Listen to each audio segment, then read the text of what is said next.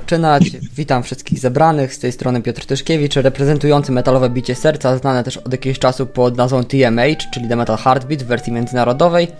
A dziś mamy drugi już wywiad z cyklu Na wschód od metalu, prezentujący artystów związanych z muzyką folkową, z muzyką generalnie instrumentalną, jednakże bazowo zostając przy tym, żeby była nagrana na instrumentach.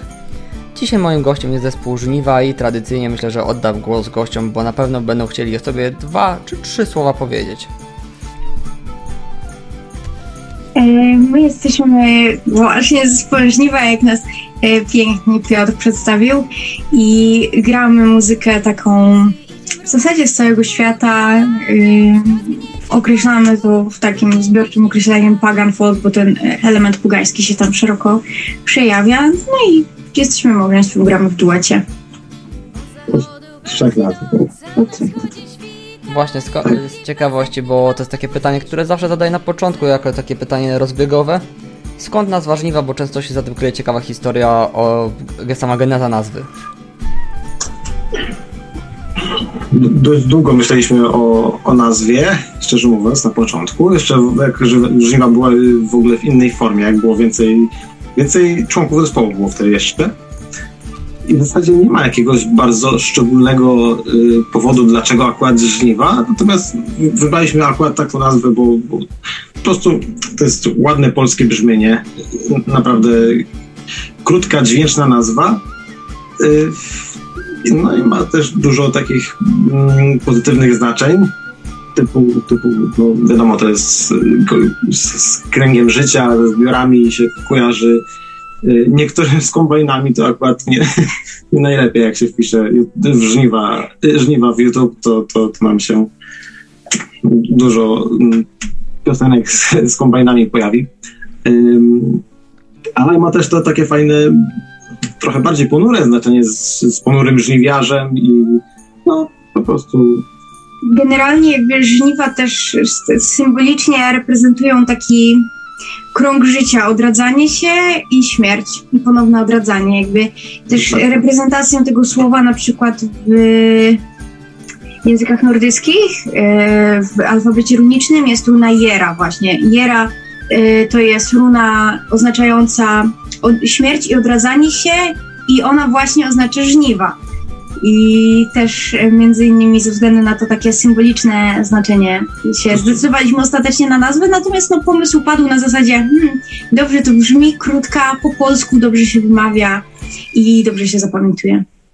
Jasne, myślę, że tu przytoczę taką anegdotę, nie tylko wam przyświecało to, żeby nazwa była krótka i czytelna i w miarę łatwa do wymówienia, bo taką, taką genezę ma też legenda polskiego metalu, zespół Kat, gdzie też było ideą to, żeby to było krótkie i łatwe do wymówienia żeby nie kombinować, tak. nie przekombinować. A tak z ciekawości, Paweł, wspomniałeś, że było więcej osób, że nie graliście w duecie. Jakby pamiętacie, jak to się zaczynało? Opowiesz może o tym, jak to wyglądało przed formą, jaką znamy dzisiaj? Bardzo dobrze pamiętamy, bo to się mocno wiąże też z tym, że no, no Lila jest moją żoną, a wtedy jeszcze Lila nie była moją żoną. Kiedy, kiedy powiedzmy była sama geneza y, żniw, no, na jednej z pierwszych, w zasadzie od, spotkaliśmy się w ogóle na, na, na próbie. Pierwszy, to, to było nasze pierwsze spotkanie na próbie zespołu, którego jeszcze nie znaliśmy, po prostu przyszliśmy z ogłoszenia gdzieś tam na, na Facebooku i to zupełnie inny zespół.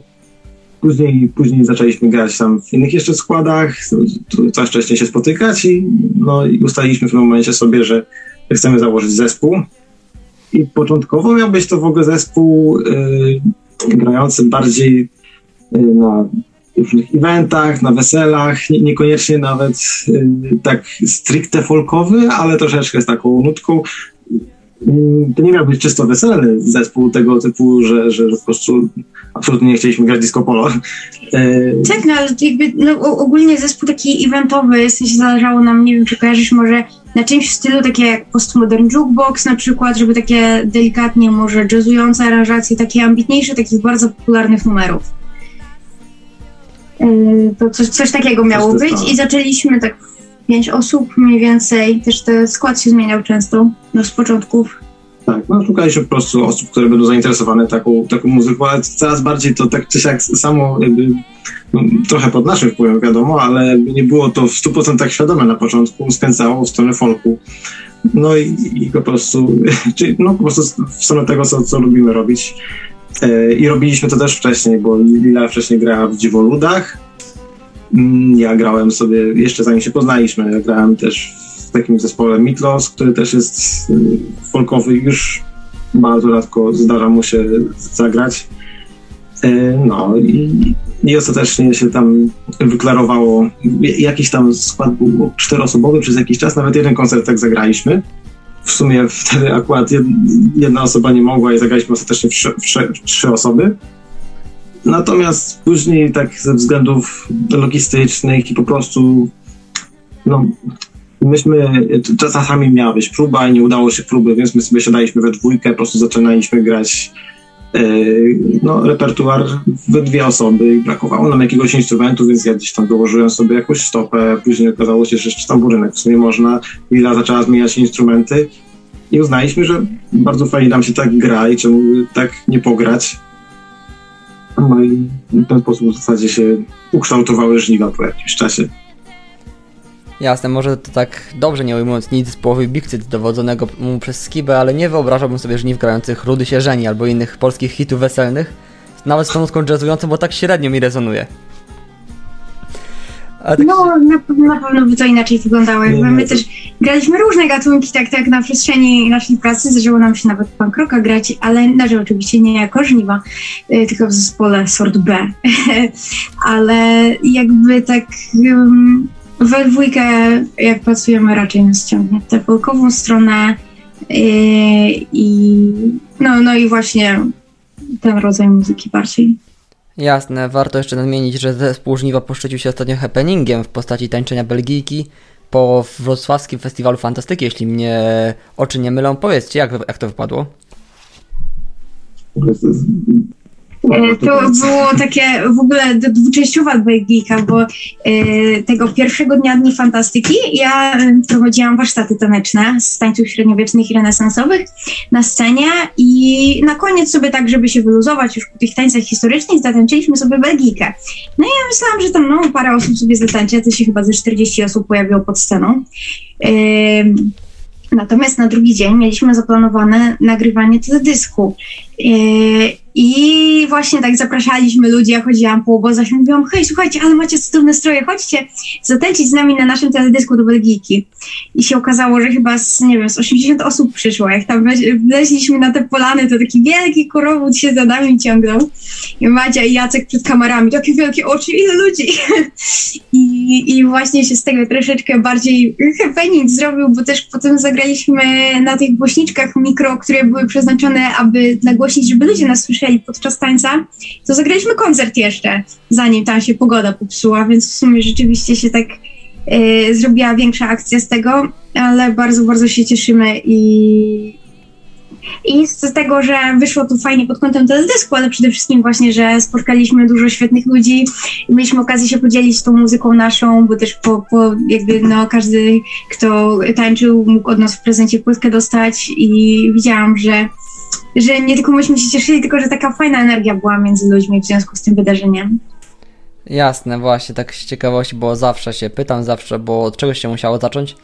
Jak się zaczęła wasza przygoda z muzyką, kiedy poczuliście, że to jest to, co chcecie robić i czy, że chcecie tworzyć i, i poczuliście tą iskrę taką twórczą w sobie? Znaczy w ogóle każdy z nas osobno po prostu jak zaczęło w ogóle z muzyką, nie chodzi konkretnie o żniwa, tak? Myślę, że tak. Myślę, że zaczniemy od takiego początku początku.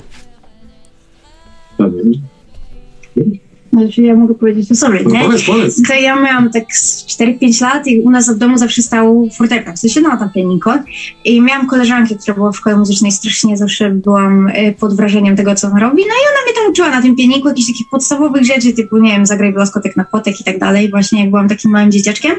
No i potem sobie z tym pianinem cały czas gdzieś tam ono było, zresztą swoją drogą dalej jest i to jest taki jeden z moich najbardziej... Y, przy serduszku instrumentów. E, I jak miałam 10 lat mniej więcej, y, to miałam iść do szkoły muzycznej. Znaczy miałam, no powiedziałam rodzicom, ej, ja idę do szkoły muzycznej. Oni powiedzieli, ej, nie idziesz, gdyż twoja siostra zrezygnowała ze szkoły muzycznej. A ja powiedziałam, idę. No to poszłam. I miałam iść właśnie na fortepian, ale y, tego takiego ostatniego dnia, kiedy można było jeszcze zmienić swoje takie wybrany instrument, na który się idzie, to poszłam na koncert, który w tej szkole muzycznej był organizowany i tam dziewczyna tak fajnie grała na skrzypce. Swoją drogą moja koleżanka Martyna Góra, jeśli słucha, to pozdrawiam. I było naprawdę, jak ja usłyszałam, jak ona gra na tych skrzypcach, stwierdziłam, dobra, nie, nie, trudno, fortepian, spoko, ale ja idę na skrzypce. Poszłam na skrzypce i no i tak już e, grałam sobie dalej w pierwszym stopniu, potem kawałek w drugim, no i, i potem uczyłam się już sama. Ja zacząłem troszkę, nie wiem czy wcześniej, w każdym razie zacząłem y, tym, że moje siostry grały na, na instrumentach, skrzypcach i na, w zasadzie na skrzypcach i na skrzypcach. Y, później się jedna przyniosła na altówkę. Natomiast y, no, muzyka zawsze była w domu i była żywa muzyka wszyscy śpiewali, było pianino i zawsze jakieś śpiewy też przy ognisku na gitarze, tego, tego typu rzeczy zawsze były obecne. Natomiast później przyszedł czas szkoły i, i no, ja się wybrałem, tam, tam, też gdzie siostry, zresztą z dużą chęcią, wybierałem sobie przed, przez, nie pamiętam jak długo, ale przez bardzo długo, przed pójściem do szkoły zbierałem sobie na gitarę i uzbierałem sobie. To była chyba jedna z pierwszych rzeczy, którą sobie sam kupiłem no i gitarę klasyczną. No i później przez 4 lata się w klasie u, u Marka Ziemińskiego, profesora Marka Ziemińskiego, uczyłem się y, na Łowieckiej w Wrocławiu. E, zawsze mi jakoś tam w duszy grała perkusja, więc, więc, więc po tych czterech latach tam się przeniosłem na, do, do klasy perkusji ale później jakoś tak się ścieżki potoczyły, że ostatecznie po podstawówce się wymeldowałem ze szkoły muzycznej, e, ale absolutnie nie z muzyki. Później się szkoliłem swoją drogą z pomocą Michała Lasoty, najlepszego perkusisty, jaki znam. Też jeśli słucha, to, to, to pozdrawiam. U Michała Lasoty uczyłem się na perkusji. Na zestawie perkusji normalnym. I czasami sobie gdzieś tam w domu pogrywałem, nigdy gdzieś przed kimś na, na gitarze nadal. Inne instrumenty też się pojawiały przy okazji różnych no, tam innych zespołów, typu właśnie ten Mitlos i Semenka, co mówiłem, to czasami kontrabas, cajon, y, darbuki, weszły różne, różnego rodzaju instrumenty. Mm, no i, i w pewnym momencie się pojawiły żniwa, gdzie, gdzie właśnie, tak jak mówiłem, były, były próby i w pewnym momencie zaczęło brakować instrumentów i wtedy w zasadzie bo tak nominalnie grałem bardziej w żniwach na samym początku, y, bliżej tych perkusyjnych instrumentów, co jest co rozwijałem przez, przez ostatnich tam, kilka lat. No ale właśnie wróciłem wtedy trochę do gitary i tak naprawdę to w sumie jednak do lutni, czyli nie wróciłem, czyli po prostu przełożyłem to, co się nauczyłem na, na gitarze na lutnię romantyczną. No i tak się, tak się jakby, taka jest geneza powiedzmy w muzyce. E, jasne, generalnie muzyka folkowa, czy jest pagan folk, czy to jest muzyka jakaś bliżej zbliżona do ludowej, przeżywa swój renesans, zwłaszcza przeżyła swój renesans w 2015 roku wraz z premierą Rom Wiedźmina 3 Dziki Gon, gdzie wystąpił zespół Percival nagrywając znaczną część ścieżki dźwiękowej, która przyjęła się bardzo pozytywnie w świecie, ale jednakże folk nie wrócił tak zupełnie do mainstreamu. Powiedzcie, skąd, czemu wasz wybór padł na taki gatunek, czy, czy było jakieś szczególne wydarzenie, które zaowocowało tym, że pokochaliście ten gatunek muzyki? Czy po prostu przyszło to jakoś naturalnie, że tak powiem?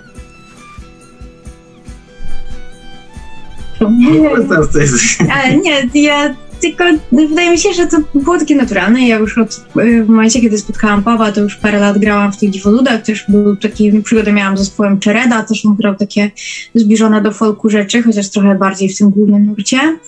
I jakby pa Paweł to już w ogóle całe życie spędził z tym folkiem i z siostrami i tak dalej. To no. był najbardziej naturalny wybór, więc nie było tak, że zdecydowaliśmy pewnego dnia, mmm, to Wiedźmin jest popularny, co dawaj, będziemy grali folk. E, a słyszałam, że zdarzały się takie rzeczy wśród różnych zespołów. E, ale raczej to było coś takiego, że po prostu nas ciągnęło. Też instrumentarium mieliśmy takie jakby, no ja z wykształcenia jestem skrzypaczką, gram, no gram też na różnych innych instrumentach, ale te główne moje w tej chwili instrumenty to jest właśnie skrzypce, flet poprzeczny, różnego rodzaju flety proste. Generalnie lubimy akustyczne instrumenty bardzo. Tak, takie, lubimy akustyczne. Można zagrać sobie na scenie z nagłośnieniem, a można zejść ze sceny i będziemy brzmieli tak samo, bo po prostu gramy na akustycznych instrumentach. Tak, jest... dlatego ja bardzo boleję nad tym, że akustyczny właśnie fortepian to jest taka ciężka rzecz w transporcie, ale jakby te elektryczne instrumenty takie, że mają swój własny głośnik i to może działać prawie jak instrument akustyczny, to, to jest takie na plus. Natomiast no właśnie ta muzyka folkowa to był taki najbardziej oczywisty wybór i ona też daje bardzo, bardzo wiele możliwości. Yy, pozwala jakby bierze się te utwory z e, puli wspólnej jakby z całego świata, co muzycy przez wiele tysięcy lat tak, tak naprawdę tak, tworzyli. Jeśli bierze utwory tradycyjne, ale można się też nimi inspirować i w zasadzie wtedy wychodzi też troszeczkę na to samo, że dokłada się swoją cegiełkę do tego um, po prostu wspólnego wielkiego dzieła, jakim jest ta muzyka folkowa, czy inspirowana folkiem, bo to jest też bardzo, bardzo szeroki nurt. Tam w zasadzie można sobie pozwolić na wszystko, jak chodzi o instrumentarium i tak dalej. Jeśli nie jest się stricte twórcą historycznej muzyki, e, to można tak naprawdę zrobić wszystko. My na przykład się bardzo inspirujemy Einarem Sylwikiem z Wardruny, i on jest takim przykładem, on był przecież perkusistą zespołu Gorgorod, tak, metalowego, który z folkiem nic nie miał wspólnego za bardzo. Oprócz tam ewentualnie czerpania troszeczkę w tekstach z, z, z różnych y, takich y, le legendowo ludowych rzeczy. Natomiast teraz Einar robi projekt, w którym gra na budowanych samodzielnie instrumentach, ale też tam się często pojawiają jakieś gitary elektryczne w tle. To po prostu wszystko i można te ekspresję y, z tego, co się dzieje w Twoim wnętrzu z pomocą muzyki, doprowadzić w zasadzie do najwyższego możliwego poziomu, bo możesz korzystać ze wszystkich środków wyrazu dostępnych. Właśnie, zawsze się staram. Oczywiście to jest prośba, jeżeli będziecie mogli ją spełnić, zawsze się staram, żeby muzyk pokazał jakiś swój instrument. Oczywiście perkusiści wiadomo, czemu są z tego wyłączeni. Chyba, że akurat robią nagranie w trakcie sali prób. Także jeżeli coś będziecie mieli, to w trakcie naszej rozmowy będziecie mogli pokazać i opowiedzieć trochę o tym, na czym gracie. A tak swoją drogą, wracając trochę do technikaliów, mamy okazję porozmawiać o epce. Jest to ta, wygląda ona mniej więcej w ten sposób z, z przodu i w ten sposób wygląda z tyłu. Jest to bardzo ładnie i nie tylko technicznie, ale też i mix mastering bardzo ładnie wyszedł, bardzo dobrze ta płyta brzmi. Jak na to, że Żniwa są zespołem, który nie ma maksymalnego rozgłosu, a włożyli to całe swoje serce, całe swoje umiejętności, żeby to brzmiało jak brzmi. Powiedzcie, jak wam się pracowało, jak przebiegał cały proces tworzenia tego i małej płyty, małej wielkiej płyty? Nie, muszę powiedzieć, bo to ty miałeś wypadek pierwszego dnia, prawda? Tak.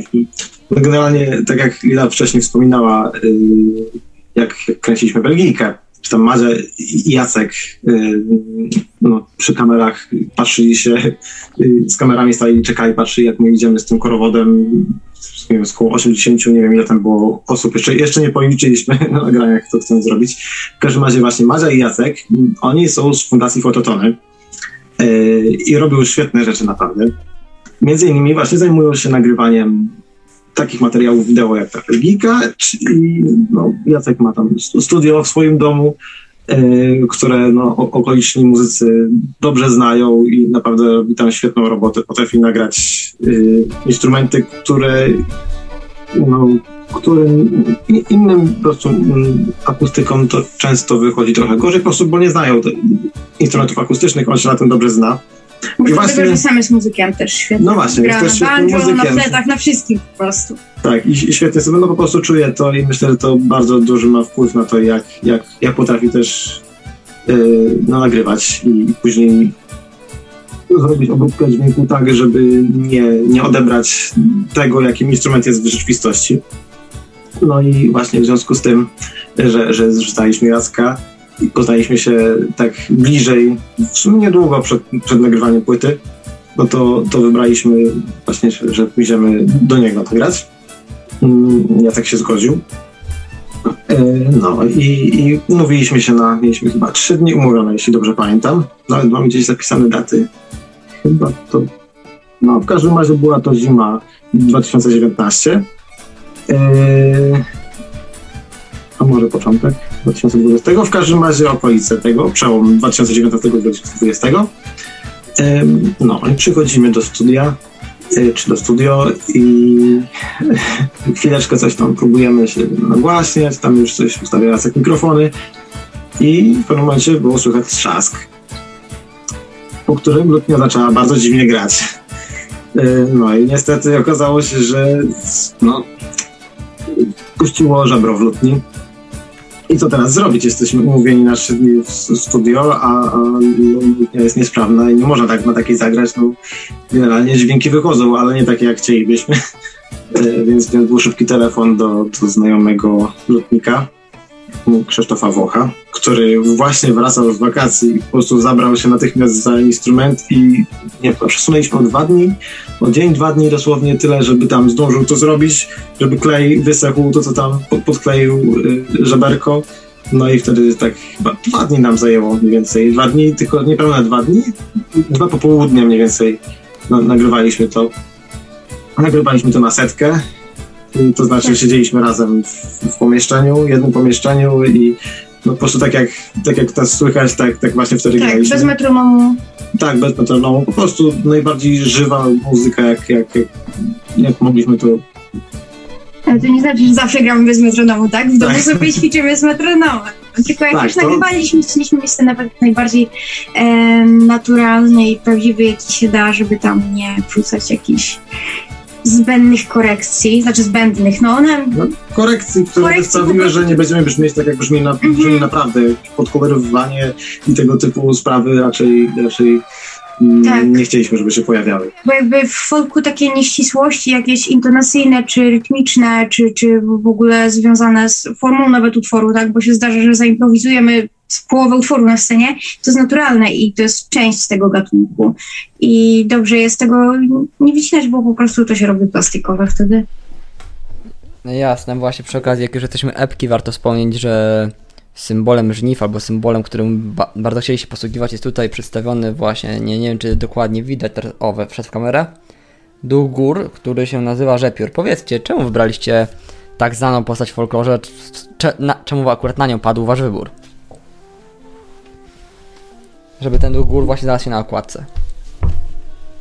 Wydaje mi się, że on tak dobrze, że znalazł się na okładce, bo już za nami chodził bardzo, bardzo długi czas. No, tak, to e, tak, a wydaje mi się, że on tak dobrze reprezentuje to, co, co przekazujemy, albo co chcielibyśmy przekazywać, czyli jest, jest dziki, symbolizuje wolność, też jedność z naturą, e, bo on jest takim może nie wszyscy wiedzą, kim jest Rzepiór. Rzepiór to jest taki karkonoski mm, właśnie duch gór, ale też duch lasu i on y, broni tej przyrody, ale też y, jakby pomaga ludziom, którzy okazują szacunek tej przyrodzie i, i, i nie próbują jej zawłaszczyć, więc wydaje mi się, że jakby i pod kątem takich naszych y, symbolicznych różnych wyobrażeń i poglądów, a, a także takich na przykład bardziej konkretnych, czyli na przykład związanych, nie wiem, z ochroną środowiska, to, to dobrze nas reprezentuje i podobają nam się bardzo jego przedstawienia i to, że on jest taki zmienny, bo jakby my przedstawiamy go w takiej formie najbardziej y, popularnej w tych wyobrażeniach ogólnych, czyli właśnie z jakąś tam głową jelenia i z taką pseudo-ludzką postacią y, humanoidalną, natomiast on może przybierać wszystkie formy zwierząt. Tak. Skrzydła ma, ważne jest, że zawsze jest przedstawiany, bardzo często jest przedstawiany z kosturem. Z kosturem, to tak, jest to jest taki jego... Jest bardzo podobny do Leszego, ale to nie jest Leszy. W sensie, znaczy, to skomplikowane, bo jakby te postacie mają, jakby folklorystycznie mają dosyć pod, podobne tam źródła i konotacje, to czasami jakby... Ale chodzi przede wszystkim o to, że on jest zmienny. On może być na przykład mchem, on może być ptakiem. Kamieniem. Tak. Może być, może być też y, starszym y, dziadkiem z długą tak. brodą, który przechadza się po, po lasach i zwany jest jako liczyszepa. I y, jest Więc... dla nas takie wyzwanie też, żeby nasza muzyka była taka różnorodna i zmienna, możliwie jak się da. To dodam tylko, że jeżeli chodzi o symbol właśnie liczy rzepy, czy też rzepiora, którym posługują się żniwa, miałem okazję być w muzeum, które właśnie przypomniało mi o tym, że zbliża się pora wywiadu, że zbliża, że zbliżają się właśnie żniwa. Pobyłem w Muzeum Zamku Legend Śląskich w Pławnej Dolnej przy Świeradowie Zdroju i tam właśnie jest mnogość przedstawień tego ducha gór w różnych postaciach. Może by powiedzieć, że dla dzieci, ale tamtejszy teatr lalkowy przedstawiający legendy śląskie pokrótce, pokazujący różne oblicza ducha okrucieństwa, ale też i szczodrość.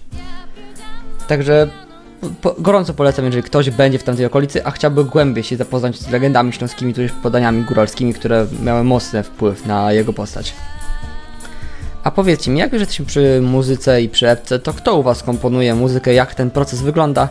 Czy jedna osoba przy, przynosi jakieś nagranie, czy też coś gra, a druga osoba próbuje coś do, do, do, dokomponować, o ile oczywiście nie macie do czynienia z pieśnią z jakiegoś, wywodzącą się z jakiegoś konkretnego kręgu, jeżeli jest to Wasz autorski utwór? Czasami jest tak, że budzimy się rano, Ila mówi Paweł, nie mogłem spać przez północy. Padł mi taki kawałek do głowy i chcę, chcę, chcę to spróbować zrobić. Później siadamy, Lila tam zadaje jakiś temat, który właśnie męczył ją przez północy. Y, ja się próbuję do tego jakoś dograć, jakoś to zrozumieć ten kawałek i, i jakby swoją partię jakoś tam umieścić y, w nim. Czasami jest tak, że siedzimy na próbie, czy, czy po prostu sobie siedzimy gdziekolwiek, niekoniecznie na próbie, nie wiem, na koncert, tuż przed koncertem coś akurat się z takiego zdarzy, że nie wiem, ktoś, ktoś zagra jakiś fajny temat, po prostu tak, nie wiem, coś mu padnie do głowy i, i zagra sobie. I, i zazwyczaj zaczynamy tak od, od czegoś mniejszego i po, po, prostu później to obudowujemy tak, jak, tak, jak to czujemy. Mm, niektóre kawałki ewoluują przez, przez no, przez kilka koncertów i dopiero ostatecznie po jakimś czasie otrzymują taką ostateczną formę. No generalnie jest to, nie ma zasady przy tym. Tak jak akurat wyjdzie, to, to, to staramy się po prostu skorzystać z tego, co, co przyjdzie do nas w, w różny sposób. Czy, czy, tak. czy w nocy do głowy, czy podczas snu, czy, czy po prostu jak, jak będziemy sobie myśleć o tym na, na próbie, jak chodzi o muzykę. Tak, nie? No tak, jak, chodzi, o, o teksty, to raczej ja się tym zajmuję. Tak. Ale mm, często jest tak, że na przykład jeśli pracujemy nad jakąś melodią, która już nam tam chodziła po głowie, to ja na przykład, nie wiem, śpiewam sobie jakiś tradycyjny tekst do tego, często w innym języku i na przykład dopiero po jakimś czasie y, piszę własny tekst Albo na przykład właśnie też się zdarza, że sobie mieszamy, że tekst od jednej jakiejś tradycyjnej piosenki śpiewamy sobie na melodię innej. Tak dosyć duża dowolność w tym jest. I też no, kiedy już ten materiał trafia do ludzi, to staramy się, żeby to było dopracowane, ale w domu to jest bardzo, bardzo dużo improwizowania i też takiego po prostu zabawy tą muzyką, jakiegoś właśnie, nie wiem, sobie na jednym słowie śpiewania i tak dalej. Więc y, to jest, tak sobie ta muzyka ewoluuje. Też no jak my jesteśmy we dwoje, trochę łatwiej jest po prostu grać i na bieżąco sobie wszystko wymyślać. Jasne, teraz myślę, że urządzimy kącik edukacyjny. Jeżeli oczywiście macie jakieś instrumenty przy sobie, bo zakładam, że jakieś macie, żeby je pokazać do kamery. A Mamy na korytarzu, jakbyśmy zrobili pół minuty przerwy technicznej, znaczy nie przerwy, tylko po prostu Paweł by przyniósł tak. instrumenty, a ja mogę coś pogadać. E, nie ma żadnego... A ten, ale myślę, że dźwięk będzie trochę gorszy, więc możemy po prostu później przerwę techniczną sobie wyciąć, a, a teraz przynieść instrumenty, zwłaszcza zwłaszcza te takie typowo ciekawe, nie, harfę i kwotówkę. To sekundka chwileczkę. Jasne, ja w międzyczasie jeszcze opowiem o tym, że e, w internecie znajduje się nie tylko to, co jest zawarte na epce, ale znajduje się też wiele piosenek znanych szerszej publiczności, jak chociażby Belgijka w tej takiej najbardziej, rzekłbym, że zbliżonej do oryginalnej wersji, bo słyszałem wersje pozytywne, a jednak to piosenka w pozytywnym wydźwięku do końca nie jest. Jest to piosenka raczej dość, ponura.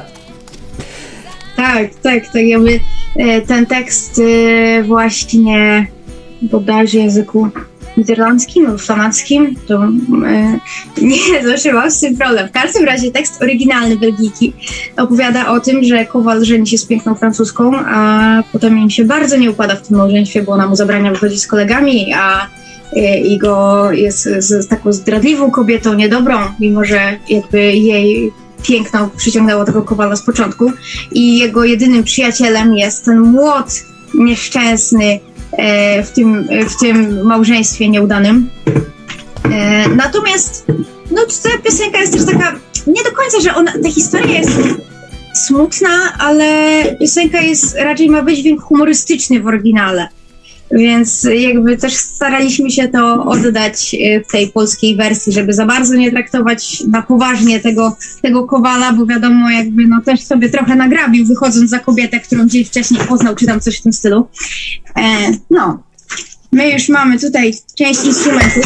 Zdecydowaliśmy się pokazać takie najciekawsze, najbardziej y, rzadko spotykane w Polsce, bo jakby no skrzypce, altówkę, flet poprzeczny, klarnet, nie wiem, fortepian nawet, perkusję, kochona, czy nawet te lutnie, co Paweł gra, to są instrumenty, które się widuje jednak. A y, te, które przygotowaliśmy, to są takie naprawdę, wydaje mi się, rzadkie i niewiele zespołów z nich korzysta na co dzień. To zdecydowanie warto pokazywać to, co nie jest na szerszej publiczności, żeby znalazło swoje miejsce w nadwiślańskim kraju. Tak, to jest...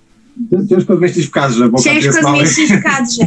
To jest harfa celtycka, w zasadzie neoceltycka, e, bo ma nylonowe struny i to się trzymają tak w taki nie do końca tradycyjny sposób.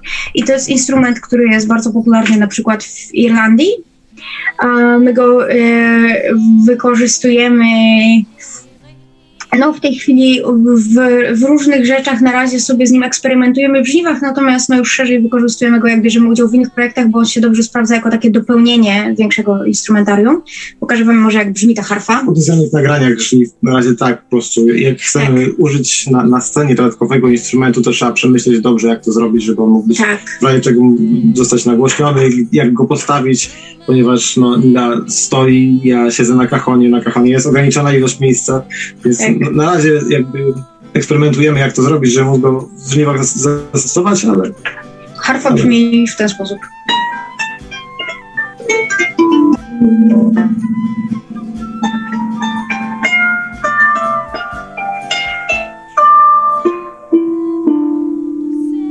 Czyli rozumiem, że jest ryzyko, w cudzysłowie pozytywne ryzyko, że pojawi się Hermanelix z udziałem właśnie harfy w jakiejś nowej, odświeżonej wersji. Tak, tak. Y, jakby szczerze mówiąc, już w zasadzie takiego Maneliga mieliśmy okazję zagrać. Y, w, przy okazji mm, wydarzenia w Starym Kinie, w Starym Młynie, gdzie braliśmy udział właśnie, udźwiękawialiśmy na żywo y, film z lat 20.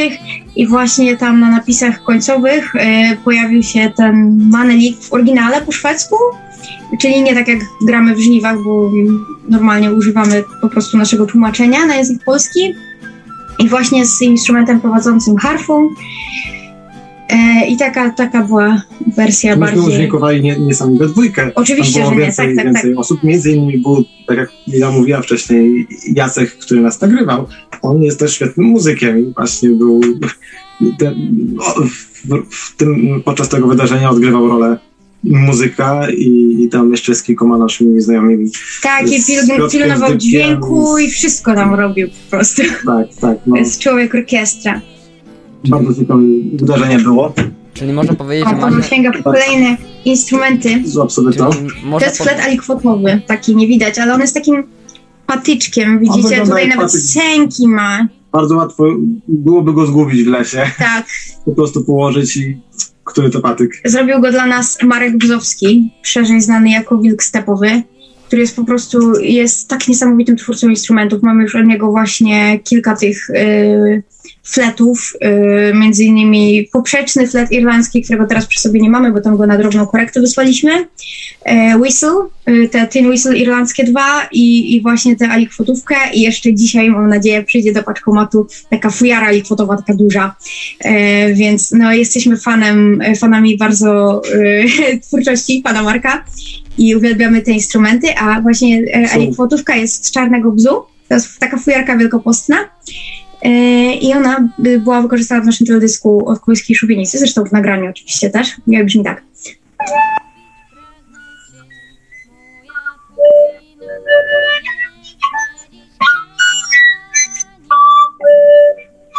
Słuchajcie, to są wszystko oparte na jednym dźwięku, ali, ali kwoty wszystkie tego samego dźwięku, czyli e, D i właśnie kolejne tam regulując oddechem można uzyskiwać kolejne dźwięki, ale bez, bez tutaj nie ma żadnego otworu, jest tylko ten otwór na końcu, który można sobie przycisnąć, trochę ten dźwięk zmodyfikować, e, ale wszystko się opiera tak naprawdę na jednym dźwięku.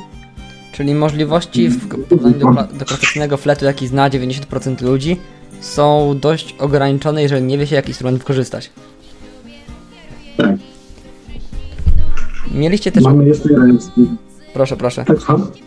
Proszę, proszę. Generalnie można by powiedzieć jeszcze, że tak się dodam, że Żniwo mają sobą w postaci tego waszego realizatora ducha opiekuńczego, który zawsze wszystkie, wszystkie, we wszystkim wam pomoże, zaopiekuje się instrumentami. Tak, tak, właśnie też taka jest historia. Myśmy go poznali w ogóle totalnie przypadkiem, bo on potrzebował muzyków do nagrania jakiegoś y, hymnu dla szkoły, gdzie jego córka chodziła do szkoły i właśnie tak się spotkaliśmy. Tak, miał, ten film miał mieć właśnie takie troszeczkę folkowe zabarwienie. Tak, miał, więc ja tam on sam grał na bardzo.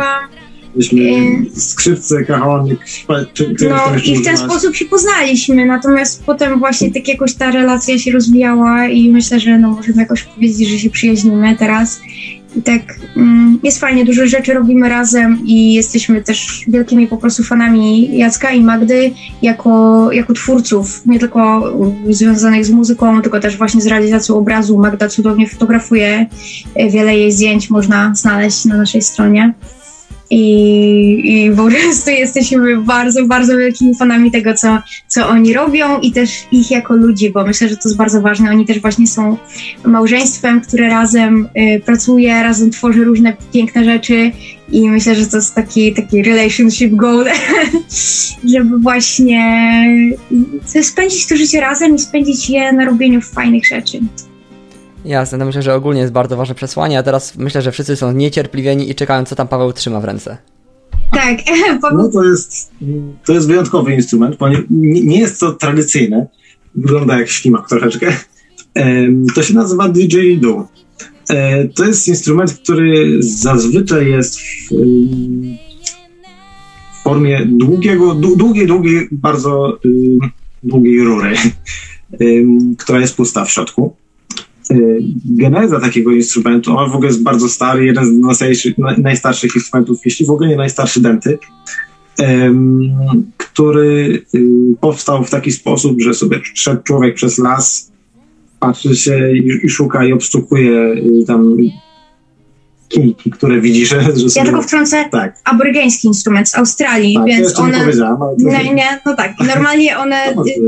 Nie, tylko tyle, że one powstawały z rur drążonych przez termity w Australii. Dlatego stąd sobie... brali puste w środku rury drewniane, bo to nie jest takie no oczywiste właśnie, może. mówię, że idzie sobie przez nas, obstukuje i sprawdza, które są wydrożone już przez te termity. W momencie, kiedy był wydrożony, no to wiadomo, tam coś, coś tam do poprawki ewentualnej, natomiast później można było wydobywać z nich bardzo ciekawe dźwięki.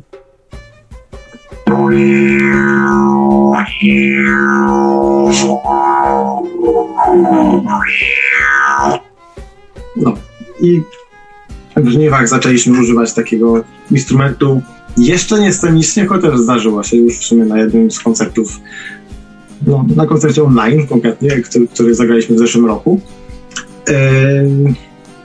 Ja wyjątkowo mocno lubię troszkę nowocześniejszą formę didgeridoo, czyli taka, która yy, nie tylko może grać, bo jak słychać, no może nie jeden dźwięk, nie, nie na jednym tonie, bo jeszcze można alikwoty wydobywać, można troszeczkę oddechem regulować wysokość dźwięku, ale, ale znacznie bardziej można yy, kontrolować wysokość dźwięku, jeśli yy, ta rurka jest rozsuwana.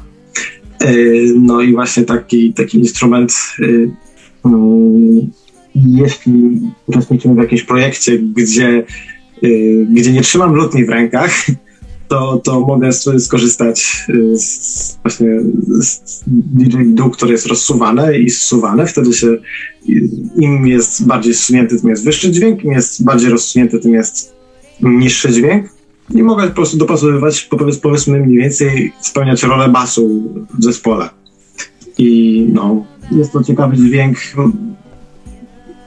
i no, wymagał troszeczkę nauki, bo, bo tam jakby to się wiąże często z tym, że trzeba się nauczyć techniki e, kołowego oddechu, czyli że ciągle jakby się wydycha powietrze, co nie jest dosłownie prawdą, ponieważ yy, no, powietrze się wydycha normalnie, natomiast co jakiś czas trzeba po prostu napełnić sobie usta i usta potraktować jako miech, trochę tak jak w dudach, czyli po prostu w momencie, kiedy mam zamiar zrobić wdech, to muszę sobie zatrzymać yy, wydech, no, zablokować powiedzmy gardło i, i w momencie wdechu przez nos y, ścisnąć policzki, żeby, żeby wyszło powietrze i żeby został dźwięk. W każdym razie troszeczkę tam wymaga to praktyki, ale sprawia bardzo dużo radości i polecam każdemu DJ-du. Jest, jest to ciekawy i fajny, sprawiający dużo frajdy instrument.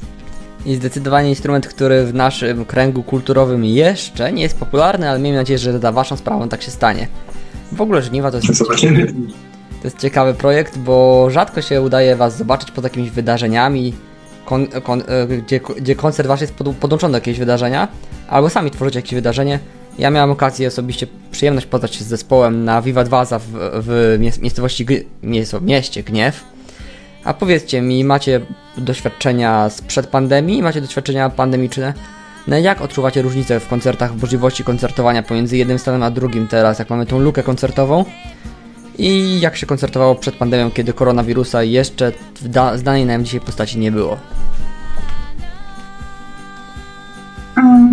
Mam wrażenie, że teraz już jest lepiej. Jakby najgorszy był ten początek sezonu 2020, ale mimo wszystko to nie jest tak, że zupełnie nie dało się nic robić, tylko trzeba było troszeczkę tę aktywność przenieść albo do internetu, albo potem jak już te obostrzenia, jak już sytuacja była troszeczkę lepsza z, z pandemią i, i te obostrzenia były mniejsze, to takie bardziej kameralne imprezy, można tak. powiedzieć, a nie, no tyle, że... No przede wszystkim jakby w momencie, kiedy zaczęły wchodzić imprezy, to zaczęły wchodzić te wielkie, potężne, gdzie jest kilkadziesiąt tysięcy osób i po prostu, no zresztą na takich nie graliśmy też, ale wcześniej, ale no, wszystko co duże jakby no, długo zostało zatrzymane.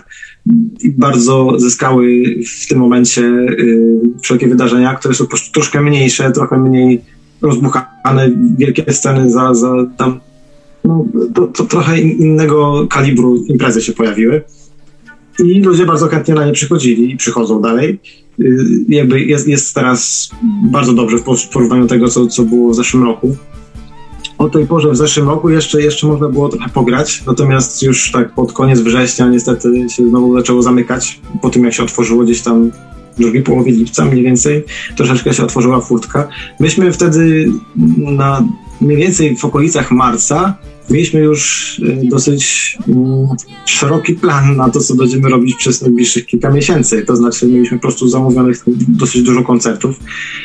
W zdecydowanej większości ze żniwami, tam jeszcze trochę z, z Piotrkiem Rejdą graliśmy, y, ale tak już czysto w sezonie to, to było po prostu pełno tych koncertów ze żniwami, natomiast w momencie, kiedy tam chwileczkę marzec, kwiecień już, już było wiadomo, co się dzieje, to no to wszystko powoli się odwoływało i, no i to było trochę smutne, szczerze mówiąc. Natomiast, no, tak jak mówiłem, w okolicach lipca y, się pojawiła furtka. Myśmy pojechali zagrać na Helu. Konkretnie to wyjeżdżaliśmy z myślą, że no, może będziemy tam trzy dni, może tydzień. Y, no i okazało się, że zostaliśmy tam półtorej miesiąca. Y, siedzieliśmy tam przez te półtorej miesiąca, tak praktycznie prawie codziennie graliśmy tam, tam się zdarzały dosłownie pojedyncze dni pod, pod koniec, tak. W restauracji na Helu w Maszoperii też polecamy. Fajne bardzo miejsce i w ogóle Hel jest świetnym miejscem. No i w międzyczasie też się pouradzały jakieś tam koncerty, na które też z Helu wyjeżdżaliśmy, między innymi właśnie do Gniewu wyjechaliśmy z Helu. Pojechaliśmy do Gniewu i wróciliśmy potem na Hel. Też, też gdzieś tam były do Widza, do Grodziska Owic i kilku jeszcze innych miejsc. I jak wróciliśmy już z Helu w okolicach początku września, to też jeszcze tam kilka koncertów, ale się urodziły takie, które były jakby na bieżąco się urodziły, a nie, a nie, nie, nie, nie to nie było nic z tych zaplanowanych, które były na, na początku roku zaplanowane. Natomiast ten rok się fajnie zaczął i, i cały czas teraz, teraz całkiem, całkiem nieźle się kręci. Mamy, mamy do co najmniej połowy października, co tydzień coś tam mamy, gdzieś granie. No. Mam wrażenie też, że ludzie dobrze zrobiła ludziom ta przerwa. W sensie oczywiście e, nie mówię o tak, bo wiadomo, że ludzie mieli problemy z pracą i tak dalej.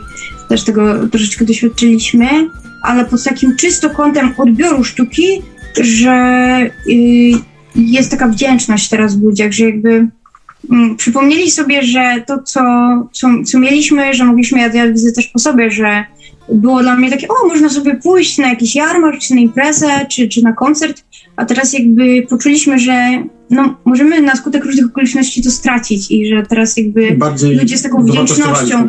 Tak podchodzą do tej możliwości po prostu spędzenia razem czasu, tak, na, na świeżym powietrzu albo i nie, ale po prostu, że bardziej bardziej to doceniają, że, że mogą te, wspólnie ten czas spędzać, że nie są zamknięci w domach um, i, i, i że ta, ta wolność taka jest. Jasne. Więc wydaje mi się, że nie, nie tylko same minusy, jakby oczywiście ogromna ilość minusów i, i strasznych wydarzeń, ale też czasami pozytywne skutki są takie nieoczekiwane. Jasne, wolność to jest jedna z podstawowych potrzeb człowieka. Jego to Masłow rozpisał swego czasu w, w piramidzie, ale ja nie o tym. Całe szczęście, że już dużo festiwali w mniejszej formie się odradza. Bloodstock się odbył w tym roku. Odbył, e, Woken niestety przełożony, Mystic przełożony, ale Folk Metal Night się odbył z tego co wiem. Była edycja chyba we Wrocławiu, jeśli się nie mylę. Ale takich stricte folkowych festiwali chyba zostało poprzekładane. Natomiast ja mam pytanie co do tekstów. Czy uważacie, że wolność artystyczna jest wszystkim, czy też jakichś tematów jak religia, polityka, seksualna, orientacja seksualna, czy jakiekolwiek inne trudne tematy powinny być poza tekstami, czy powinno się jednak poruszać, tu mówimy o muzyce szerokiej, instrumentalnej, czyli mamy tutaj folk, mamy jazz, mamy rock, metal, grunge, punk, cokolwiek. Znaczy, no, mi się wydaje, że właśnie ta wolność, o której rozmawialiśmy przed chwilką, powinna być taką nadrzędną wartością, że jeżeli człowiek czuje, m, artysta, bo to nie tylko muzyk, tylko też jeśli ktoś, nie wiem, pisze książki, tworzy rzeźby, cokolwiek, czuje, że ma coś ważnego i dobrego do przekazania, to powinien to przekazywać. Natomiast wydaje mi się też, że nie zawsze jest na to odpowiedni czas i miejsce, czyli jakby na przykład jeżeli e, gramy koncert e, na zlecenie dla kogoś, na przykład na, nie wiem, dożynkach, rekonstrukcji, ludzie tam się przychodzą bawić, odstresować, to jakby może niekoniecznie jest to czas na jakieś nasz, z naszej strony agitacje, czy polityczne, czy, czy religijne, czy jakiekolwiek, bo jakby tam, tam jesteśmy dla nich. Natomiast no, co innego Zależy w jakiej formie jeszcze, bo Oczywiście, tak, bo... fajnym przykładem jest myślę tutaj zespół Omnia, który po prostu ich repertuar opiera się w dużej mierze o, na tym, że, że oni po prostu no, śpiewają i no, przekonują do. starają się po prostu głośno powiedzieć o tym, co się dzieje ze środowiskiem y, i troszeczkę zmienić tę sytuację. Po prostu jeżdżąc po świecie i grając. W tej chwili chyba już z dwóch lat y, chyba nie grali żadnego koncertu, bo się gdzieś zaczęli na Słowenii. Natomiast y, no to, co robili wcześniej, myślę, że jest dosyć dobrym przykładem na to, jak to można, jeśli się chce robić, to, to, to właśnie to jest fajny sposób, tak jak oni to robią. Tak połączyć to granie takie no mainstreamowe, bo jakby Omnia w swoim nurcie jest mainstreamowym zespołem, z mówieniem głośno o różnych problemach, bo oni tam właśnie przede wszystkim o środowisku mówią, ale też o też jakichś nierównościach społecznych i tak dalej. E, Dosyć mocno się tymi tematami zajmowali, a z drugiej strony jakby ta muzyka mo- mogła jednocześnie przekazywać ważne treści, a z drugiej Ale strony ludzie się bawili przy niej. Tak, można też I po prostu muzyka jest tak dobra, że, że no, nie, nie trzeba nawet rozumieć, co oni śpiewają, można nie znać języka, w którym akurat śpiewają Tak. i, i, i, i będzie się świetnie bawić zdecydowanie. Tak, no oni też sięgali do bardzo różnych są. źródeł z tymi tekstami, że takich bardzo uniwersalnych śpiewali Szekspira, śpiewali wiersze Edgara Allana Poe, więc też e, wydaje mi się, że naprawdę dużo, dużo można ciekawych rzeczy powiedzieć, ale też, też fajnie jest mieć świadomość, że nie zawsze może jest dobry moment właśnie na jakieś ciężkie tematy, tylko czasami, czasami po prostu ludzie przychodzą się pobawić, odprężyć po pracy i wtedy można jakby w ten lżejszy klimat pójść, zostać w tym lżejszym klimacie i, i nie poruszyć tych ciężkich tematów, które, które jakby no nie pomogłyby to w tym relaksie. od artysty. Po prostu tak jak artysta Tak. uzna, to jest po prostu nie, nie powinno być tak, że powinno albo nie A powinno. tak ja cały czas mówię o nas, nie? Ja Tak, cały tak, czas tak. mówię o nas. Y, A jakby jak każdy ma swoje, wiadomo, nie wiem, e, Billy Joel, no to on śpiewał no, maksa rozrywkową muzykę, a też pojawiały się tam różne bardzo, bardzo ciężkie tematy, czy nie wiem, John Lennon, tak? Że jednocześnie ludzie mogli się do tego bawić i też e, jakąś e, refleksję e, zyskać podczas nawet takiego rozrywkowego słuchania muzyki.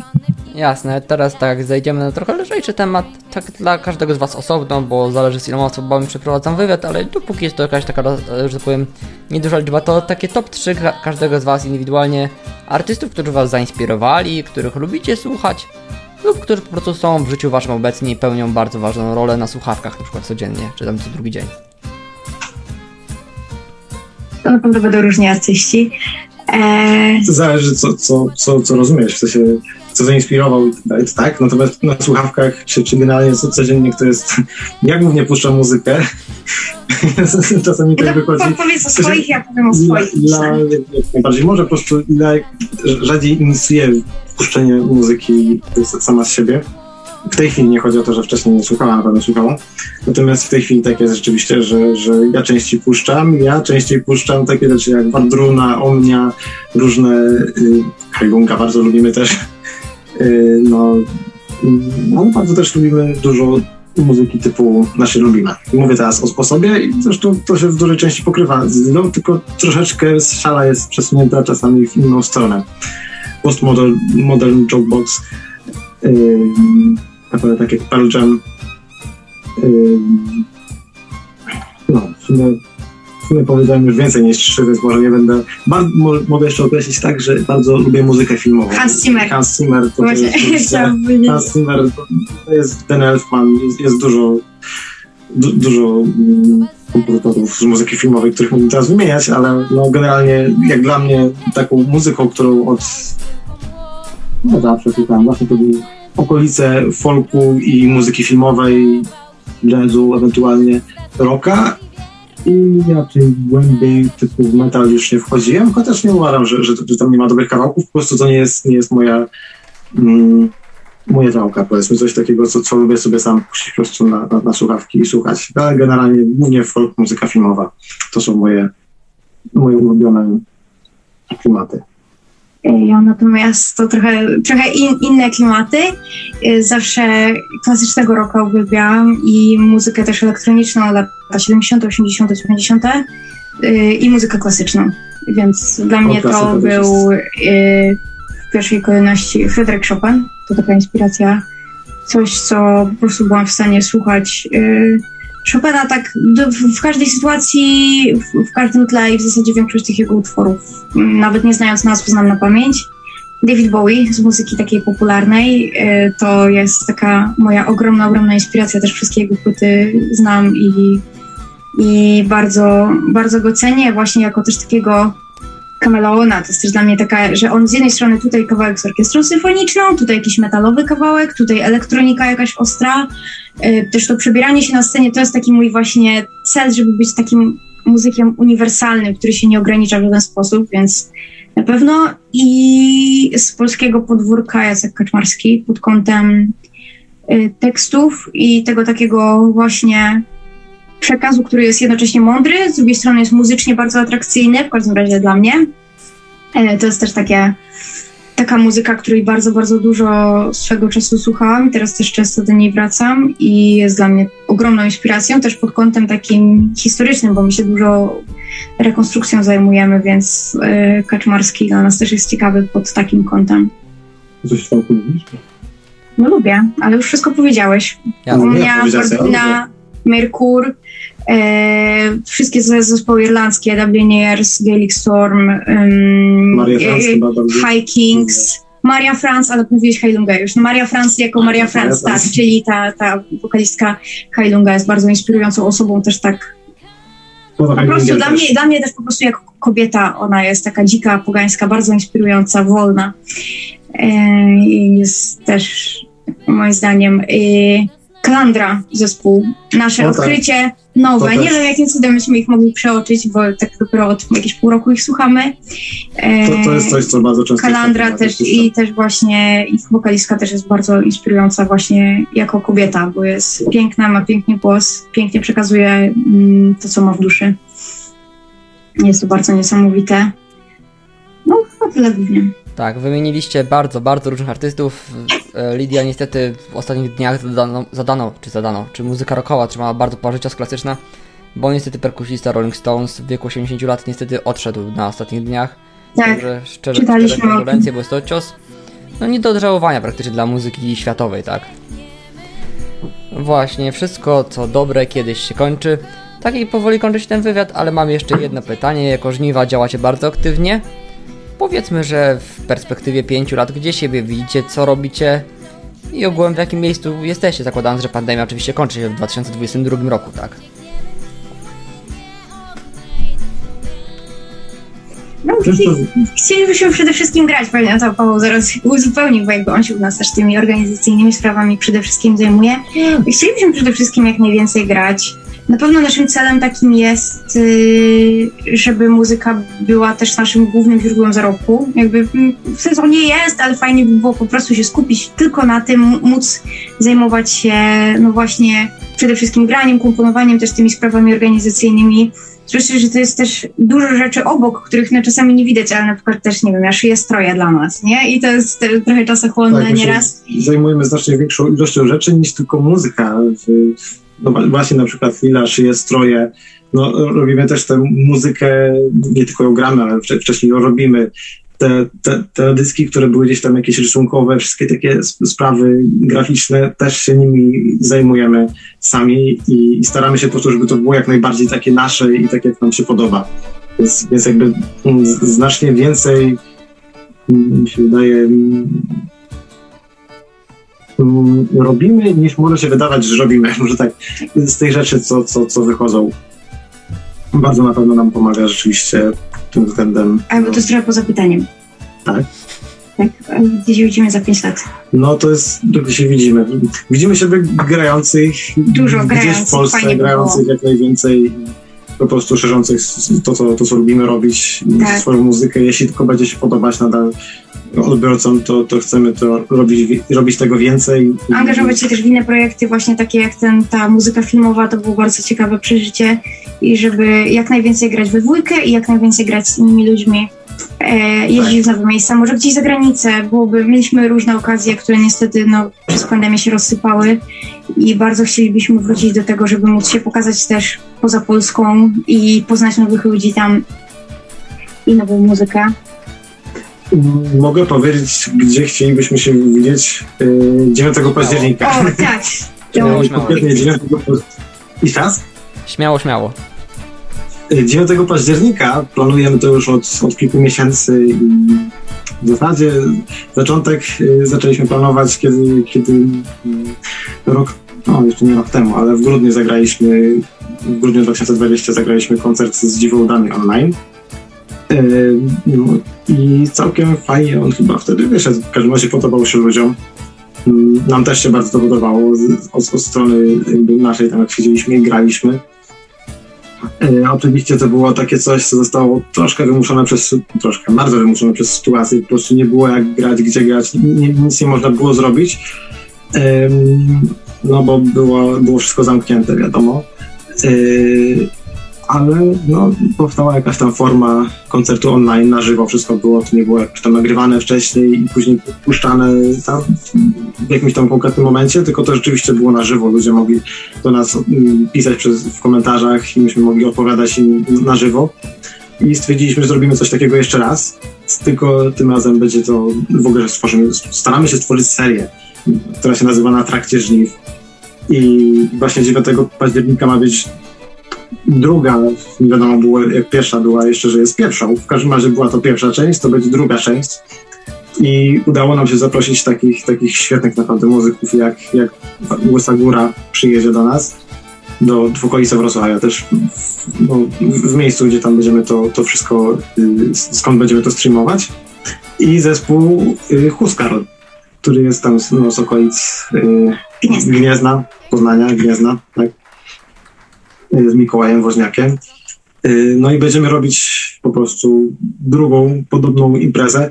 Chcieliśmy to zrobić hybrydowo, to znaczy, żeby było i dostępne online, bo będzie to dostępne na naszym YouTubie, wszyscy, każdy będzie mógł sobie oglądać, żadnych ograniczeń tam nie będzie, po prostu każdy może sobie wejść i posłuchać, rozmawiać na czego też z nami w komentarzach, będzie wszystko tak zorganizowane, żeby każdy miał dostęp. No i tak, mam właśnie. I założyliśmy też na ten temat y, w związku z tym y, y, taką zrzutkę, która nam może troszeczkę pomóc w tym, żeby to zorganizować. no bo tam mimo wszystko tego typu rzeczy, nie chodzi o to, że my chcemy jakoś zarobić, tylko po prostu musimy opłacić masę, masę różnych no, rzeczy technicznych po prostu, takich jak gdzieś tam z nagłośnieniem związane, czy, czy z samym tym streamingiem, czy z miejscem, czy z logistyką zespołów. Wszystkie takie rzeczy musimy, musimy tam jakoś ogarnąć. No i w związku z tym właśnie też jest powstała zrzutka. Dzisiaj właśnie wypuściliśmy y, wydarzenie i wszystkie informacje o tym. Bardzo się cieszy, cieszymy swoją drogą na to, jak, jak to będzie wyglądało i, i cały czas pracujemy nad tym. Jasne. I tak właśnie będziemy 9 października, tak widzimy się tak. Na, na koncercie, koncercie czy, czy może nie do końca to będzie koncert, bo forma ma być taka trochę niestandardowa. W każdym razie na tym wydarzeniu online i cieszymy się, że mogliśmy udzielić wywiadu. To jest dla mnie tak. takie właśnie dla mnie takie niesamowite, bo jakby miałam parę razy okazję z różnymi kapelami gdzieś tam dwa słowa powiedzieć do kamery czy do mikrofonu, ale to zawsze były takie drobiazgi, a, a możliwość opowiedzenia właśnie o swojej twórczości, o swoim takim głównym projekcie to jest, to jest naprawdę niesamowite uczucie i i strasznie to jest miła w ogóle, że pomyślałeś o nas. I, I, było takie zaskoczenie, ale takie mega pozytywne i fajne. Dziękuję bardzo. Że mogliśmy tak, że mogliśmy coś o sobie powiedzieć. Jasne, to ja jeszcze tylko dodam, że mam nadzieję, że nowy, poboczny cykl, bo oczywiście wywiady na wschód od metalu nie zastąpią głównego cyklu, ale się cieszył równą, równą popularnością. Ja Wam bardzo dziękuję wszystkim, którzy oglądali, którzy słuchali, bo będzie to również dostępne jako podcast na Spotify'u. Czy moi goście chcieliby się pożegnać, jeszcze powiedzieć dwa słowa, bo to też jest tradycja, że przed zamknięciem jeszcze mają szansę się pożegnać. Tak, no pewnie, że chcemy się pożegnać. Strasznie nam miło. Y, wszyscy ludzie, którzy nas słuchaliście albo oglądaliście, strasznie, strasznie jest to miłe. E, no i zapraszamy Was do dalszego podążania za żniwami. Oczywiście, tak, i oglądania dalszych i słuchania edycji y, na wschód od metalu oraz y, ogólnie metalowego bicia serca, śledzenia, bo to jest bardzo ciekawy projekt. My też na pewno będziemy śledzić dalej. I wszystkiego dobrego, no niech Wam się darzy i Trzymajcie się dobrze i mam nadzieję, że do zobaczenia gdzieś na trakcie. To ja jeszcze dodam od siebie tylko króciutko moje tradycyjne pożegnanie, bo to jest kolejna tradycja, która się wykształciła. Stay tuned, stay true, stay folk, stay heavy.